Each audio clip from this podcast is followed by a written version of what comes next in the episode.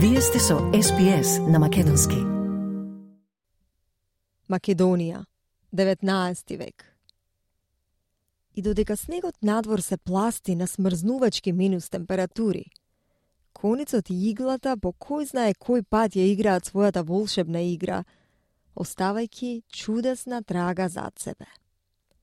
Една жена, наведната крај огништето, од своите мечти и соништа, од своите копнежи и надежи, создава чудесни везови.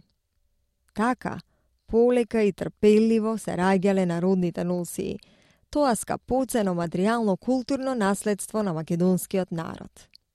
70 блескави примероци од тој изблик на народната креативност и вештина денес ги красат витрините на Музеот на Македонија во Скопје. Нашата домајкинка етнологот магистар Наде Костадиновска-Спасиновска, ни серијата од 10 разговори под наслов Македонски везови не води ни за естетиката на ова фолклорно богатство. Ни ја одгатнува богатата символика на македонските народни носии и ни открива еден архаичен и навидом познат свет, што блеснува пред нас во сосема нов сјај и убавина. Јас сум Маја Талевска. Слушајте не. Здраво, Наде, ви благодарам што сте домаќин на избијас на Македонски во Музеот на Македонија во Скопје. И добре дојдовте на програмата на избијас на Македонски. Ви благодарам, драго ми е што сте тука. Вие сте етнолог и кажете ни да почнеме со тоа што представува етнологијата. Етнологијата е наука која се занимава претежно со минатото, значи ги истражува начинот на живење во минатото, материјалната, нематеријалната култура, духовното наследство. Меѓутоа, етнологијата се занимава и со сегашноста, значи преку анализи истражуваме во кое општество нели живееме, и ја следиме состојбата на промените кои што се случуваат, ќе се случуваат во иднина во нашето општество. Со еден збор се е етнологија, значи и минатото и сегашноста и иднината. Може ли Македонија и македонската нација да се сметаат за богати по своето етнолошко културно наследство? Да, и тоа колку имаме пребогато, не богато, пребогато културно наследство, кое што е а, наша оставнина и за која треба да се грижиме, да ја надополнуваме, истражуваме колку што можеме, да твориме, пишуваме за незе и достојно да ја презентираме не само во, во Македонија, туку секаде ни светот. И кај што живеат македонци, но и кај што не живеат, за да може да ја видат таа убавина.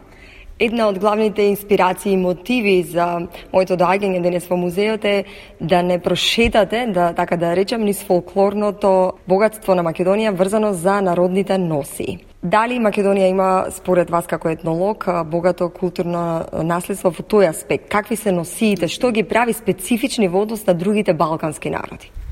Овдека во Музеот на Македонија ние имаме изложено целосно 70 народни носи. Тие носи се архаични, со архаични елементи, потекнуваат од крајот на 19 и почетокот на 20 век. Имаме изложено носи кои што се свадбени, секојдневни, за машки, женски носи и детски носи. Носиите во Македонија се специфични затоа што тој вез го имаме само овдак и буквално никаде на свет секој предел, секое село, секое место има своја носија. Дури во секое село носијата се разликува според возраста, според статусот и така натаму. Носијата, бојата која што е карактеристична за носиите во Македонија е алцрвената боја. Исто така тоа прави специфична за другите според другите носи нели и балканските и во светот. Друга боја која што е, специ... е специфична е темно мудрата боја, меѓутоа таа ја имаме само во Скопската етнографска целина и тоа претежно во Скопска Црна Гора. Тоа се етнографски, етнографска целина која што има 11 села.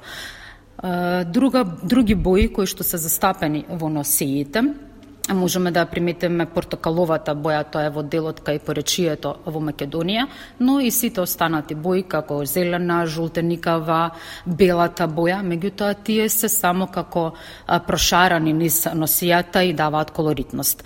Исто така македонските носи се пребогати со накид, кој исто така е специфичен само за македонското поднебје. Тука е, е главниот, да речам, накид кој што се наоѓа на во невестинските носи, тоа буквално нормално кај сите навестински носи се пафтите, односно метален накет, метална изработка, кујунџиска изработка, која се носи околу половината. Има разновидни форми, листовидна, ромбоидна, округлеста форма таа степелакот кој што се е на главата од невестите и многу многу друг накид кој што во секој регион е различен, меѓутоа овие се тие на пример кои што се специфични за секоја носија. Исто така и машката носија не изостанува од накид, особено младоженската носија. Тука е на монистрениот кюстек, кој е еден вид на гердан. Кобурите знаат да се користат како накид, особено за време на свадбата и така натака. Значи, кога ќе наидеме на една балканска народна носија, за да препознаеме дали е македонска, треба да го погледнеме везот и накитот. Везот и накитот, да. Па претежно тоа се познава одма во секој во секоја кошула. Можеме одма да видиме дали таа е намената за невеста, дали е за секојдневна употреба, дали од западна Македонија, од а, а, источна Македонија и секој вез секој накид и целиот изглед на невестата а, има символика.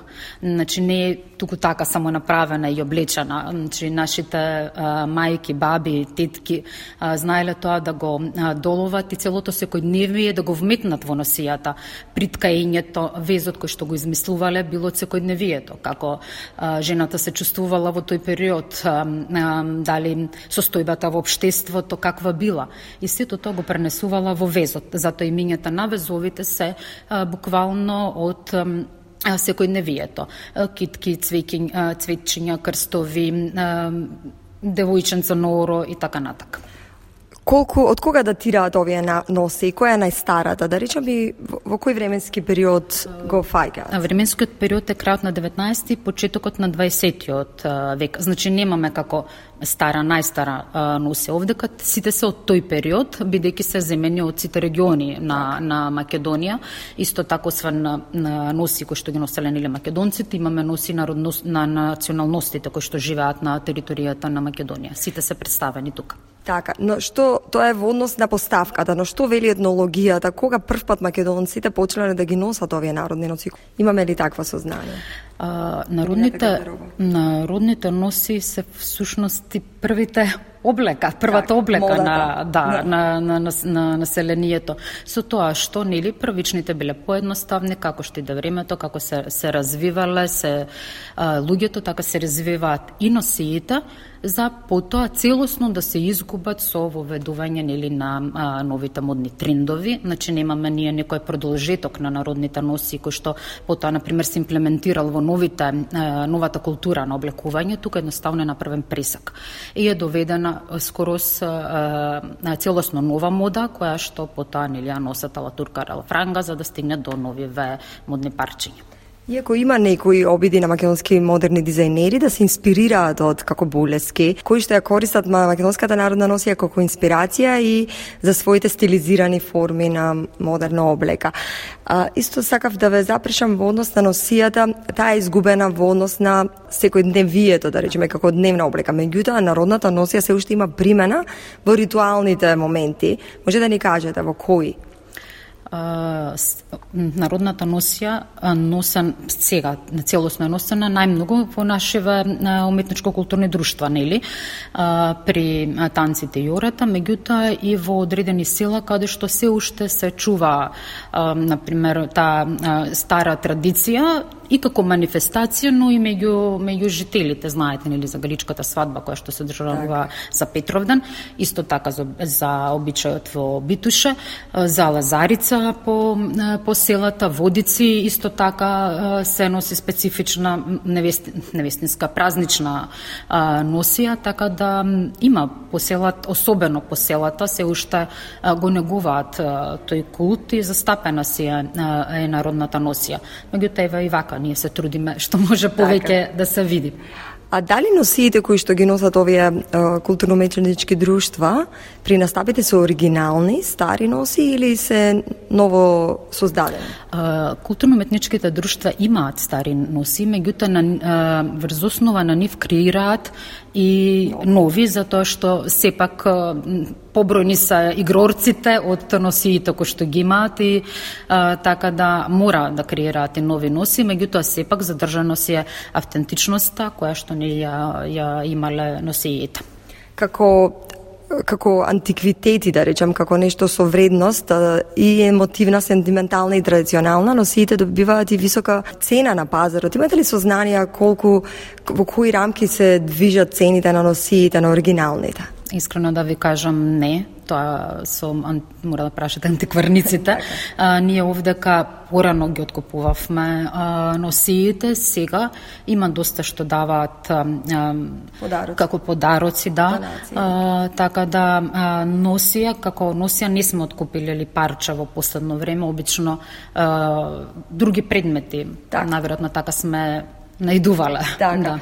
Вие рековте дека се изложени 70 носи, но со колку вкупно располага Музеот на Македонија? Верувам дека во вашите фундуси има и други. Да, да, нимаме е, етнолошко депо, која што е исто колку ова овдека големо. Е, има е, носи кои меѓутоа не се овие се целосните што ги имаме овдека, на тие другите имаме разни парчиња од различни носи кои што се нели како некои дупликати, некои плюс меѓутоа имаме премногу околу 9000 и можеби повеќе. Така. Во какви услови треба да се чуваат? Верувам дека влагата и временските услови може би може да и наштетат. Дали ги чувате во посебни услови? да, како и сите секој Метнички, предмет, да, да, и носијата си бара посебно а, одржување, затоа си имаме конзерватори на ткаеници, на, на метал, на накид, а, кои што го ги одржуваат носиве се уште во оваа состојба како што се овдека, истото и во депоата, таму се чуваат посебни фиоки, соредни броеви и сето тоа да биде сочувано. Стиснете, ми се допаѓа, споделете, коментирајте. Следете ја SPS на Македонски на Facebook.